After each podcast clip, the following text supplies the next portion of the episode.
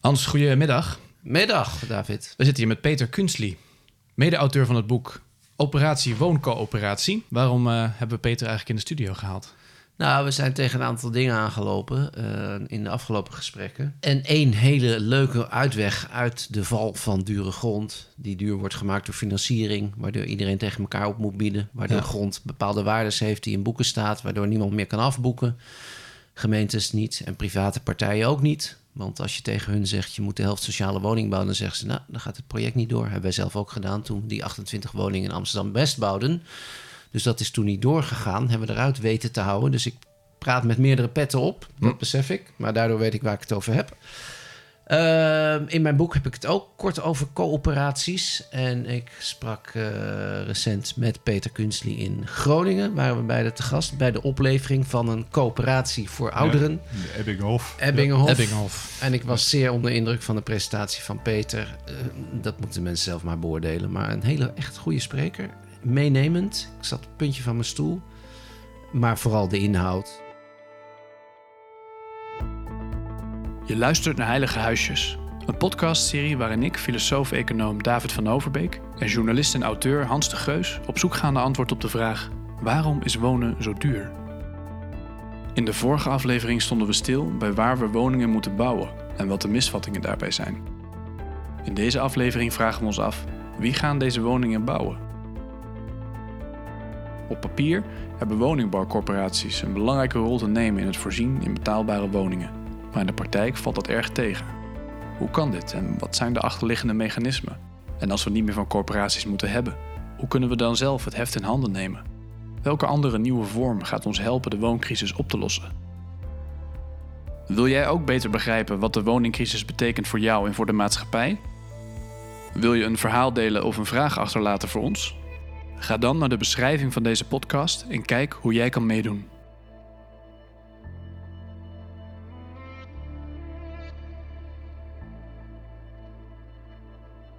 Nou, Peter, ik zou zeggen, neem even het woord. De coöperatie even heel kort, voor wie niet weet wat het is en ja. waar komt die vandaan.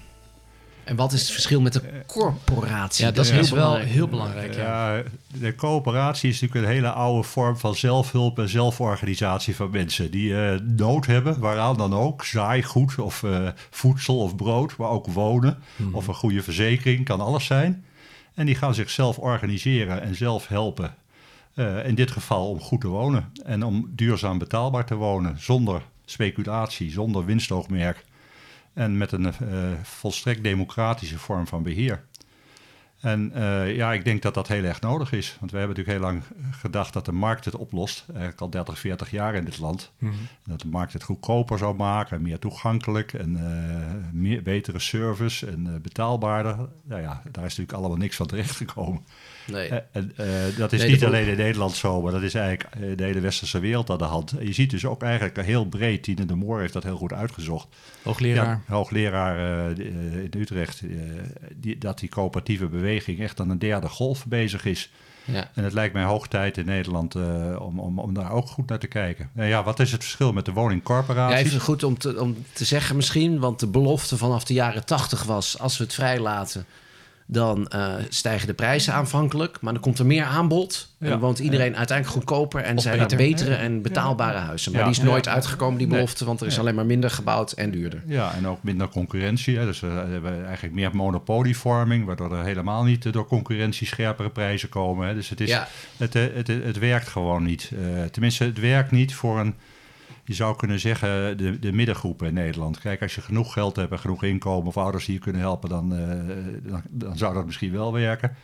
En aan de onderkant hebben we de woningcorporaties. Die zijn er voor de middengroep, toch ook? Nou, dat, is, dat, is, uh, dat was heel lang zo. Dus in de woningwet van 1901 uh, ging het over volkshuisvesting. Ging het mm -hmm. uitdrukkelijk over het huisvesting van het hele volk. Dus lage inkomens, maar ook de lagere middengroepen.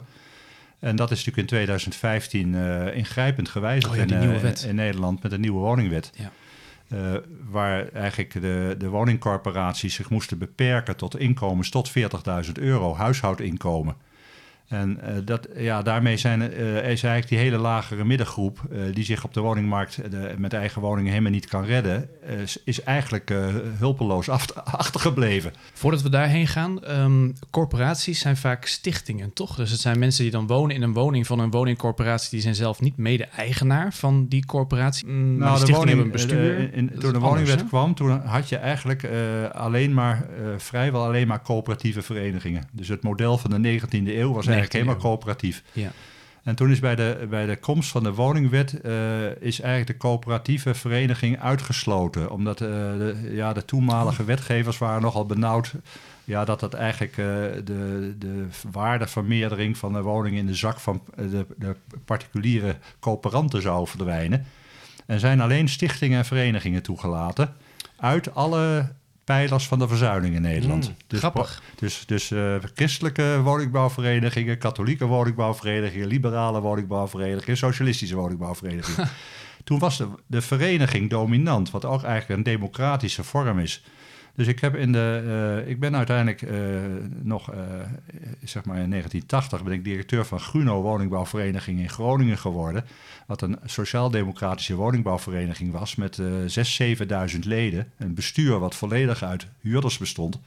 En dat was een volstrekt democratische vereniging met een gekozen wonerscommissie, gekozen ledenraad. Ja. met een grote invloed eigenlijk van, van de bewoners nog op een woningbouwvereniging. Uh, er is een korte tijd geweest dat de woningbouwvereniging in de democratische vorm... dat die eigenlijk de voorkeur had bij de wetgever. En dat is een jaar of twintig geleden is die voorkeur uit de wet geschrapt. En inmiddels zijn het allemaal stichtingen... Hm. waar gewoon een, een stichtingbestuur zit van, van vijf tot zeven mensen... die elkaar door cooptatie aanvult. En dan hebben de huurders nog wel een voordrachtrecht... maar in de praktijk stelt dat heel weinig voor. Dus dat is een volstrekt uh, ja, ondemocratisch en steeds meer bureaucratisch en nogal technocratische vorm van woningbeheer geworden. Die gewoon als verlengstuk van de overheid een overheidstaak uitvoert. Dat heeft heel weinig nog te maken met, met bewonerszeggenschap of bewonersinvloed. Wonen als een procesmanagement. Ja, echt een, een, een, een, een ja, een, efficiënt, efficiënt proces van woningvoorziening. Ja. Uh, wat steeds meer natuurlijk ook door, uh, door economische factoren wordt bepaald. Hè? Risicovermijding, en risicobeheersing en compliance en een hele hoop regeltjes. Het is echt een, een ordner vol met regeltjes. En, uh, de, de, en dit is ook steeds uh, meer monopolieachtig geworden. Want we hadden, hadden natuurlijk voorheen 800.000, 900.000 woningcorporaties. En inmiddels hebben we 355 gemeenten en 300 woningcorporaties. Dus een hele hoop gemeenten is nog maar één woningcorporatie... die als volstrekt monopolist de woningvoorziening daarvoor regelt. En in de grote steden is het zo dat dat eigenlijk ook geldt... omdat daar hebben de woningcorporaties Amsterdam, Rotterdam enzovoort... hebben gewoon de stad verdeeld. Dus in alle stadsdelen zit een woningcorporatie. En die heeft het voor het zeggen. Dus daar, daarmee is ook van de concurrentie binnen die sectoren elkaar scherp houden... is eigenlijk ook heel weinig overgehouden. Ik was er altijd heel trots op. Omdat Nederland, denk ik, in de top 5 van de wereld zat... als het over de kwaliteit en de betaalbaarheid van de woningvoorziening ging. En ik vind dat dat de afgelopen 10, 20 jaar ja, op allerlei vlakken dus behoorlijk afgegleden is. We komen zo terug op de coöperaties, want daar zitten we eigenlijk voor. Maar ik vind dit toch wel interessant, want ik spreek ze ook wel eens, die mensen. Uh, ik heb het gevoel dat ze niet echt duidelijk een richtsnoer hebben. Wat, wie bepaalt hun richtsnoer en is dat wel duidelijk voor hun nu, voor corporaties? Nou, dat is in de parlementaire enquête is dat ook naar voren gekomen. Dat eigenlijk, uh, waar 2013 bedoel je? Uh, oh, ja, oh, de, 2011, 2012, die tijd is er een parlementaire enquête geweest. Die heeft dus een belangrijke aanleiding gegeven met een aantal grote schandalen. Hè, 20, 30 toch behoorlijke schandalen. Die hebben eigenlijk de hele sector van honderden corporaties, waaronder ook een hele hoop die het heel goed deden, natuurlijk totaal gemelkorfd. Uh, in die enquête is eigenlijk ook al naar voren gekomen dat de wetgever uh, niet helder een kader had ge uh, neergelegd van waartoe zijn we op aarde. Precies. Wat is, wat is eigenlijk de missie van die woningcorporaties? Ja. Uh, nou vind ik dat in de nieuwe woningwet eigenlijk ook nog tamelijk onduidelijk. Hè? Bedoel, het enige wat iedereen roept is ja, de doelgroep. Ja, dat is dan de doelgroep tot 40.000 euro. Ja. Maar als je als woningcorporatie, heb ik zelf meegemaakt, in een gemeente werkt dan moet je eigenlijk breed naar de woningnood en woningsituatie in die stad kijken. En de ene keer moet je je gewoon zorgen maken over 10.000 daklozen die op straat leven. En de andere keer moet je je zorgen maken over arbeidsmigranten. Hebben er 500.000 van. En de volgende keer moet je je zorgen maken over meer dan 1 miljoen jongeren, die, jongvolwassenen die inwonen bij hun ouders, die zelfstandig zouden willen wonen. Dus die opgave is in Nederland regionaal sterk verschillend. En ik zou vinden dat een woningcorporatie uh, ook nog wel in enige concurrentie als mij ligt, zich druk zou mogen, moeten maken over de lokale of regionale woningvraag. Nou ja, ik hoop dat de corporaties meer ruimte krijgen om dat te doen. Maar ik ben er absoluut van overtuigd dat coöperatieve initiatieven als aanvulling bijzonder hard nodig zijn om, om de huisvesting in Nederland weer een beetje op peil te brengen.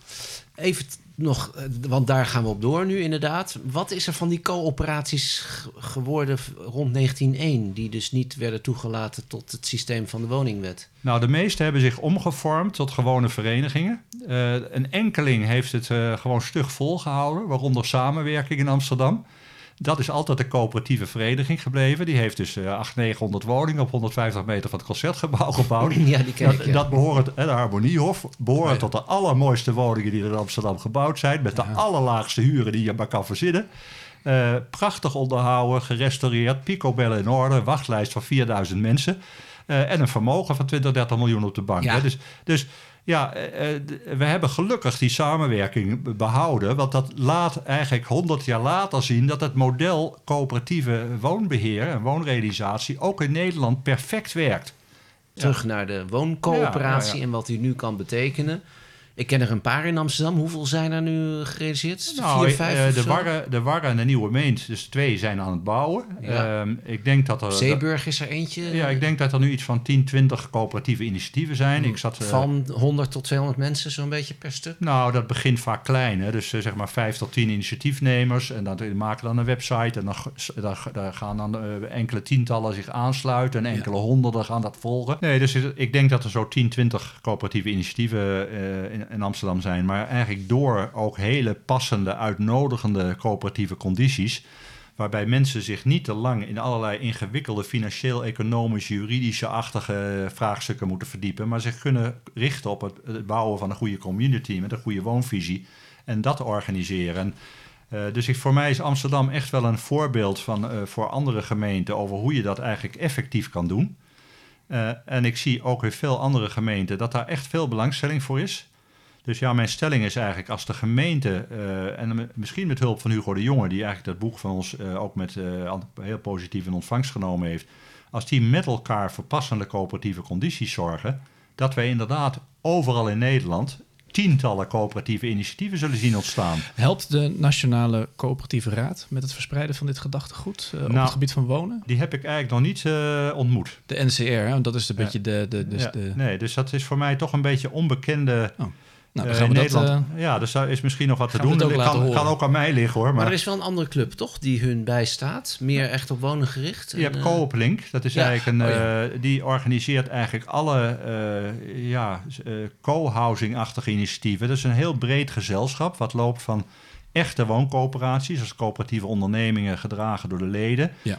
Tot als het ware meer beheerverenigingen die vastgoed van meestal een woningcorporatie eh, beheren met, eh, en toewijzen en daar zeggenschap over onderhoud hebben. Wat dus een, een ja, hele lichte vorm is. En daartussenin zitten dan ook nog eh, collectief particulier opdrachtgeverschap-achtige initiatieven. Ja, die, die, die, die toch eigenlijk in een heel ander deel van de markt thuis horen in mijn ogen. Want dat zijn natuurlijk toch mensen die een individuele woning voor eigen gebruik en eigen rekening en risico bouwen. En gewoon zelf verhandelen. Ja. En de meerwaarde van die initiatieven in hun eigen zak steken. ja, dat is het, ja. Ja, dus dat, en, en dat is juist het grote verschil. Dat ik denk dat, eh, dat we door die ge- gemeenschappelijke vorm van eigendom. Daarmee de zaak eh, op lange termijn betaalbaar houden. Doordat de waardevermeerdering niet in individuele zakken verdwijnt. maar in het collectief blijft en aangewend kan worden voor de doelstellingen. ja, dit is wel een terugkerend thema in deze podcast, hè, Hans? De, de waardevermeerdering die plaatsvindt op de woningmarkt... Ja. En, en hoe we er zo verslaafd aan zijn geraakt Ja. op, eh, aan overwaarde. Het feit Ja. dat we spreken van eh, instromers, doorstromers, uitstromers. Iedereen wil zijn overwaarde verzilveren. Iedereen wil dat naar zich toe trekken. Ja, nee, Wonen maar dat, wat steeds meer een, een belegging is geworden... in plaats van een plek om te wonen. Nou, dat, eh, dat is de spijker op de kop.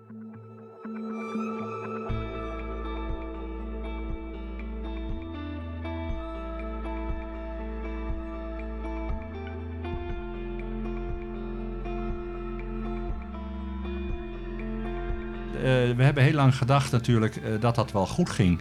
En het was natuurlijk in de jaren 60, 70 was natuurlijk toen de bouwfonds Oude Stijl dat ging de eerste premie A-woningen gaan doen, was dat inderdaad heel mooi dat mensen zich echt omhoog werkten, ook in financiële zin, met een betaalbare premie koopwoningen, daar wat vermogen opbouwden. En dan, dus dat leek allemaal goed te werken. Maar dat is natuurlijk uh, in, in, de, uh, ja, in de economie van de laatste 20, 30 jaar in de wereld, uh, met dat rondflitsende kapitaal, wat overal naar beleggingen zoekt, is dat enorm opgedreven. niet doordat er te weinig woningen zijn, maar te veel kapitaal wat op zoek is naar een asset en, en altijd iedereen anders uit de markt kan concurreren is het eigenlijk totaal, uit, in mijn ogen, totaal uit de hand gelopen. En, uh, maar nu zitten we bij de kern. En wat misschien ook het bezwaar is. Ik schrijf ook in mijn boek hoe ik toch huisjesmelker werd over coöperaties. En ja, ze zijn zeer aaibaar. En ja, we moeten de mensen feliciteren die het lukt. En knap dat ze het voor elkaar gekregen hebben. Maar wat dreigt zijn, denk ik... Uh, nou, op dit moment in ieder geval één ding... is dat dat alleen maar lukt voor mensen die kennissen hebben bij de gemeente misschien. Die zichzelf kunnen organiseren, die handig zijn, die met een bank kunnen praten, die hm. het voor elkaar krijgen. Dat hm. is, ja, dat kweekt een nieuw soort ongelijkheid misschien. Fijn voor hun, hè, gefeliciteerd. Maar lossen we daar het collectieve probleem mee op? Ja, zeg je eigenlijk net. Als er maar genoeg zijn, dan lukt dat. Nou, dat is een, een mooie streven. Maar dan komen we bij het punt, het botst tegen het huidige systeem, waarbij de grondprijs natuurlijk al maximaal is opgeklopt door de financialisering in het vrije marktsysteem en alle asset managers die er nu ook achteraan jagen. En de gemeente die maximaal rendement wil op de grond. Ja, nee, en, en dus als je nu, het punt is even, als je nu dus begint, ja, links, rechtsom, krijg je natuurlijk subsidie. Je krijgt je grond goedkoper. En dat mag hoor, vind ik leuk voor die mensen. Denk alleen wel dat wij meer OZB gaan betalen. Of dat misschien op andere vlakken de jeugdzorg wordt. Uh, laten we met de grond beginnen, want dat is ook voor jullie een belangrijk item. Uh, wij hanteren natuurlijk op de, op de gewone woningmarkt voor beleggers en projectontwikkelaar residuele grondwaarde. Dus dan, dan, dan, dan uh, komt er een makelaar die taxeert het project op de vrije, de vrije verkoopwaarde, op de vrije markt. Ja. Uh, die berekent wat dat uh, kost om te bouwen. En wat dat er overblijft is uh, de grond. Ja, dat in Amsterdams voorbeeld. Stel je hebt een project van 10 miljoen waar nou, 30 mensen wonen. Dan zijn de bouwkosten misschien maar 4. Ja, dus de grondprijs is 6 miljoen. Exorbitant. Ja. dus eigenlijk Hoewel maar daar zit hoewel, een deel van de grap natuurlijk. dat ze die 6 miljoen niet hoeven af te tikken, toch? voor die coöperaties. Nou ja, kijk, dus uh, eigenlijk is het, uh, het geklaag van iedereen over die hoge prijs is voor een deel natuurlijk een beetje een, voor de bühne. Omdat eigenlijk iedereen in die bouwkolom die profiteert van die stijgende prijzen. Niet alleen die gemeente, wat je, daar reken je net voor. Maar ook de ontwikkelaar ziet zijn winst stijgen. Zelfs de architect en de adviseur hebben allemaal procenten van die kosten. Dus die gaat, iedereen, die hele bouwkolom, die floreert. Ja, allemaal percentages. En dat is maar één die niet floreert. Dat is de consument die aan het eind van de rit die folder van die balie pakt en gewoon betalen wat er wordt gevraagd. En dan ook nog zijn optielijst eigenlijk uh, drie keer mag betalen. Ja. Dus we, we zijn eigenlijk bezig met een, uh, een beetje Piketty-achtig proces om een deel van de samenleving steeds rijker te maken. En een ander deel wordt steeds armer, want die moet steeds meer voor het wonen betalen. Is het nou subsidie? Nou, mijn, uh, met de grond beginnen is dat niet zo. Want ook die grond bij een coöperatie is een residuele benadering. Uh, laten we ervan uitgaan dat de gemeentebestuur verantwoordelijk is voor de huisvesting van, de, uh, van al zijn burgers. Dat mm gewoon wat in de woningwet en de grondwet staat. Ja. Die zegt dan tegen een coöperatie: ja, coöperatie, u mag er wel zijn, maar u moet uh, niet alleen kleine woningen bouwen, want dat doet de markt al wel. Hè, 30, 40, 50 vierkante meter. Moet u woningen voor gezinnen maken. Wat die, wat die verpleegsters en die, die, die uh, onderwijzers, die politieagenten die we uit uh, Oost- en Noord-Nederland hierheen willen trekken, die nemen soms een gezin mee. Die moeten toch wel kunnen wonen met hun modale inkomen. Dus je moet ook woningen van 80, 90 vierkante meter maken. En ook toewijzen aan deze groep. En dan willen we graag dat, uh, omdat die inkomens uh, niet zo hard stijgen, dat u toch nooit meer dan de inflatie vraagt. Zodat als er maar uh, niet elke huurverhoging minder koopkracht is voor hm. deze groep. Hm. En tenslotte willen we dat, dat u die woningen niet alleen maar 15 jaar beheert en exploiteert, maar levenslang eigenlijk beheert en toewijst aan deze doelgroep en nimmer verkoopt. Maar dat, de, de, hè, dus die, die constraints die beperken de grondwaarde, want de huur wordt beperkt en de indexering wordt beperkt enzovoorts. Daardoor resteert er een lagere residuele grondwaarde. Zo is het. En, maar die moeten ze wel degelijk bij de gemeente afnemen. Die, die, die moet gewoon aan de gemeente betaald worden. Eh, het, het is wel van belang dat dus eh, die constraints of die beperkingen dat die dus door de gemeente goed worden opgelegd aan die coöperaties. En ik vind dat eh, het beste is dat eigenlijk via een erfpachtcontract te doen. Het kan ook wel in een koopcontract, met een erfpachtcontract. Dan leg je dat goed vast en zijn dat dwingende verplichtingen.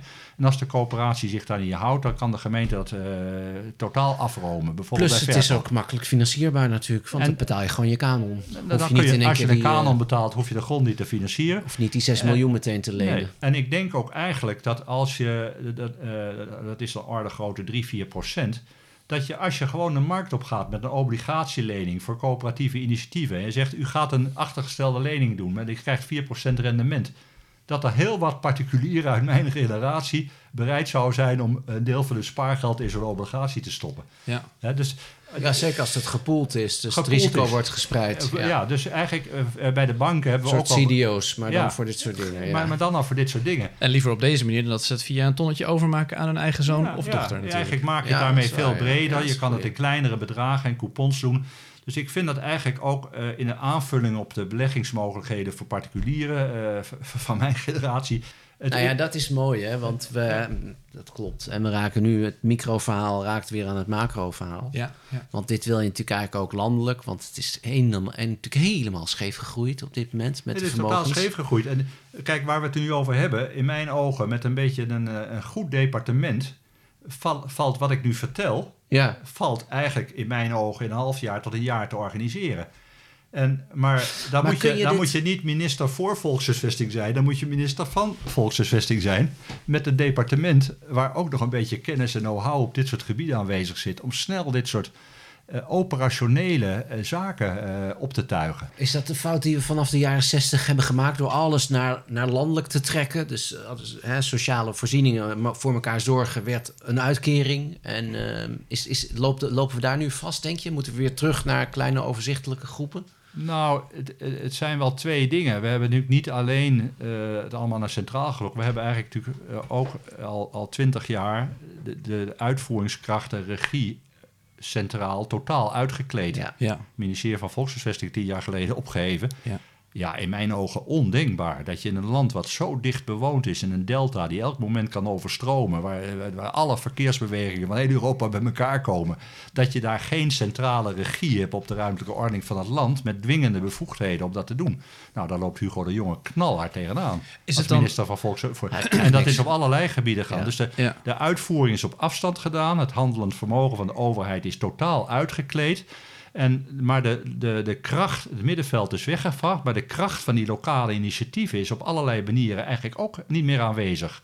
Dus je moet eigenlijk in buurten en wijken, gewoon zoals de samenleving is opgebouwd, in dorpen, heb je eigenlijk ook wel, wel krachtige uh, civil society nodig. Dus, uh, Maatschappelijk middenveld. Ja, verbonden van actieve, verantwoordelijke burgers zijn we daar nog toe in staat, denk je? Of zijn we na 30, 40 jaar... Uh... Wij denken, uh, als we een miljoen woningen tekort hebben... denken we gewoon aan fabrieken die, die uh, op een ja, fabriekswater weer woningen uitpoepen. Terwijl je ook zou krijgen duizend initiatieven... die 100 woningen bouwen, zijn ook 100.000 woningen. Maar die manier van denken hebben we niet. Maar Peter, even terug naar wat je net zei dan. Want daar ben ik heel erg door geraakt. Hans raakte naar het punt aan en zei... sinds de jaren 60 zijn overheden steeds meer individuen gaan bedienen... in plaats van gemeenschappen. Ja, consumenten. Consumenten, mensen, als het even minder goed met je ging, hoefde je niet meer terug te vallen op je familie of op je vrienden, maar kon je gewoon bij de overheid aankloppen voor een uitkering of wat dan ook. Dus de, over, de verhouding van overheid tot burger ja, verindividualiseerde ook. Ja, dat is waar. En dat heeft ook als gevolg gehad dat um, ja, een beetje werd neergekeken op die coöperaties. Als iets van een boerenspruitjeslucht. Iets van nou, die gemeenschap kunnen elkaar aanspreken op dingen. Ja, dat hoort toch niet bij een individuele samenleving. Je moet gewoon zelf zien hoe je dat, dat, dat is dus kunnen wij echt nog terug naar, het, eh, naar zo'n gemeenschapsdenken? Of is dat zo ondergewaardeerd geraakt in Nederland... dat we dat ja. Ehm, ja eigenlijk niet meer weten hoe dat moet? Ik vind dat, ook, ja, ik vind dat ook een hele spannende vraag een hele spannende vraag, want je hebt gelijk. Dus de individuele burger nadert en die werd dan geholpen, maar ook gewantrouwd. Hè. Dus het wantrouwen naar de misbruik van de burger is natuurlijk ook enorm groot. Dus de, uh, ja, ik ben een enorme fan van Tjenk Willink. Ik vind eigenlijk als je eh, twintig jaar Tjenk Willink leest, zie je volgens mij volstrekt helder uh, ja, dat de burger gewoon uh, weggedrukt is. Hij zegt zelfs dat, ergens in een van zijn geschriften, dat wij een zwak ontwikkelde democratie hebben in dit land. Dat, het, het volk komt gewoon in onze grondwet niet voor. Dus het is best een, best een spannende vraag eh, of wij in Nederland eh, stapje voor stapje de civil society kunnen versterken en burgerinitiatieven kunnen helpen om de samenleving sterker en weerbaarder te maken. Oh ja. Eh, Want kijk, ik weet niet hoe jullie erover denken, maar ik, ik vind dat er echt een, een hele onvoorspelbare, wisselvallige tijd met hele grote veranderingen op ons afkomt. En als je dan denkt, wie doet het wel? Ja, dan heb je toch wel behoefte. Natuurlijk aan, aan het begint op lokaal niveau, dat het bestuur daar op orde is. Maar in dat, dat kan het ook niet doen als het in die Nee. samenleving niet hulptroepen heeft. Het is opvallend dat we steeds het wiel... wel, Hè, wat die woningwet, die, die, dat idealisme van toen... schrijf ik ook in mijn boek, dat is bijna ontroerend... als je Ja, dat in de nou, huidige ja. tijd afzet. We hebben Ja. toen allemaal bedacht, erfpacht... Helemaal, helemaal goed. sociale woningbouw... eh, bedrijven die voor hen werken, wat je nu ook zegt, ASML... maar ja, maar het stemt toch terug dat we dat telkens die lessen vergeten... en weer door een neoliberale Ja. periode moeten... voordat we dat Nou weer... ja, En, en Peter, misschien nog... geheugen, het geheugen en het geweten is allebei erg kort. Hè, Ja. Ja, eigenlijk. ja, ja, Ja. En, en hoe voorkomen we, in aanvulling wat Hans nu zegt, dat slimme politici, want ik ben erg gecharmeerd door dit verhaal, ik denk we allebei wel, maar hoe voorkomen we nou dat slimme politici wel aan de haal gaan met de woorden van, van coöperatie, maar niet met de achterliggende gedachten die we verkend hebben in dit gesprek? Ja, dat, is- dat, dat is niet te voorkomen. We- Wij merken natuurlijk. eh wij maakten een woonproject in Rotterdam waar, de, waar de- iedereen die over wonen gaat zei geweldig. Daar sta- ontstaan woonplattegronden die echt totaal nieuw zijn. En die ook voor kleine huishoudens echt een, een, eh, hele andere woonkwaliteit en, en woonbeleving en community geven. Ja, die dingen worden gewoon gekopieerd. Dus alles wordt gekopieerd, maar onder een andere sausje, met een andere prijs, met een ander beheer. Dus het totale verhaal, daar prik je eigenlijk zo doorheen in de, in de meeste gevallen. Eh, dus, dus om niet te voorkomen. Kijk, eh, ik heb wel... Maar zelfs de minister natuurlijk, want die neemt die woorden lekker over van eh, bijvoorbeeld Ja, van maar- Cody Hoogstenbach. Hè, eh, en die ja. spreekt nu over volkshuisvesting. Hij heeft het niet meer over woningbouw, Nou, maar over dat, eh, volkshuisvesting. Dat is wel een verbetering. Nou, dat weet je niet. Dat Eh, vind ik juist erg worden, gevaarlijk. Want ook- vervolgens mogen private partijen dat gaan doen. En ja, heb je alleen nog maar een hul zonder inhoud. Precies, terwijl jij mijn had het net heet het over een pleidooi voor een maatschappelijk middenveld. Een hele andere maatschappelijke sfeer dan Maar dan ben je wel eh, met marktpartij. lege handen, want het, Ja. het Nou ja, heet ik- woning, het heet eh, volks- volkshuisvesting. Nou ja, weet je, ik, ehm, eh, ik merk, eh, dat is wel leuk. Ik heb er nu een aantal excursies georganiseerd voor verschillende groepen. En volgende week gaat zelfs de hele NEPROM, alle CEO's van alle grote ontwikkelaars, die gaat op een eh, door Arie eh, met mij georganiseerde excursie naar Zwitserland. Als je daarnaar kijkt, eh, zitten daar heel veel eh, hele professionele eh, vastgoedontwikkelaars bij, jonge mensen. Die mensen komen allemaal begeesterd terug. Eh, Kijk, je, je kunt wel bij een commerciële partij werken, maar je wilt toch eigenlijk ook mooie dingen doen. Mhm. Je, wil ook wel, je, je wil ook wel goede dingen doen. Je wil ook wel dingen doen waar je trots over kan vertellen op je vaart. Waar je rond kan lopen en kan zeggen: kijk eens wat een mooi project we gemaakt hebben. Nou, dat vind ik wel mooi. Weet je. Uiteindelijk zijn we mensen en eh, Tuurlijk, we we willen iets aardigs. We willen iets aardigs, het goede doen, het mooie doen. En weet, we weten eigenlijk in ons hart ook wel wat het maatschappelijk gezien het goede is. Dat het niet goed is dat we een stad van alleen maar rijke mensen overhouden. Dat, eh, dat, dat families uit elkaar houden. Iemand die het wat minder getroffen heeft, daar niet meer in de buurt kan wonen. Eh, Dat is al dat soort dingen, dat weten we toch allemaal wel. Ja, En ik geloof ook als je de Nederlanders vraagt, eh, eh, het is wel gebeurd, dat, dat, dat eigenlijk dat wel blijkt. En ik heb dus heel veel van dat soort mensen die mij bellen. Nog vorige week iemand. Die me uit Zwolle, die me precies vroeg. Hij zei: Ik wil zo, ik ben met jou mee geweest. Hij zei, Ik wil zo graag in Zwolle coöperatie opzetten. Zit gewoon mijn commercieel bedrijf. Cool. Die ga ik gewoon helpen. Cool. Ja. En dat heb ik ook bij BPD. En zelfs in tenders Ja? beginnen marktpartijen al te bellen. Zeggen, joh, maar eh, wij denken eigenlijk dat we in onze tender, ja, van, van, van grondposities, Ja. dat wij gewoon met een aanbod moeten komen om een coöperatie te maken. Dat wij die ook mee gaan financieren. En dat gemeentes letten, die de tender uitschrijft, die nou letten daar misschien op. En, en ik heb een, gekozen. en, en een tender meegedaan. En toen heeft die partij die me dat vroeg, heeft, heeft het toen niet gekregen. Maar zei wel dat wij jouw eh, coöperatieven hebben meegenomen. Heeft zeer goed gescoord bij de gemeente. Dus ja, ja. maar uiteindelijk ze voor het geld. Want De- zo, ja. dat staat op de balans Ja, van bepaalde waarden. En, en dat is natuurlijk En ook... dat is het dat natuurlijk. Ja, Ja. eh, wij- omdat we de gemeente in Nederland zo uitgekneten eh, hebben en zo'n klein belastinggebied hebben. Ik hoorde laatst een heel leuk verhaal dat in Denemarken, geloof ik, was dat hebben ze de, de belastingwinning omgedraaid. Dus het was geloof ik daar ook eh, 20% gemeente, 80% rijk. Ze hebben het omgedraaid. 80% gemeente, 20% rijk. ja, ja, dat is een ja, heel ja. interessant initiatief. Weet je wat er gebeurt? Dat alle goede mensen, slimme mensen, die gaan gewoon bij de lokale overheid werken. Want daar is het geld en daar is het eh, werk te En doen. dan En wordt daar, het vanzelf ook beter. Ja, dan wordt het vanzelf beter. vooruit. Super bedankt voor je komst. Peter Ja, Kunst, schrijver van het boek Wooncoöperatie. Sorry, Operatie Wooncoöperatie. En het wordt zeker vervolgd. Te bestellen bij Valies Transcity Uitgevers. Je kunt gewoon op de, op de site kijken. 24,50.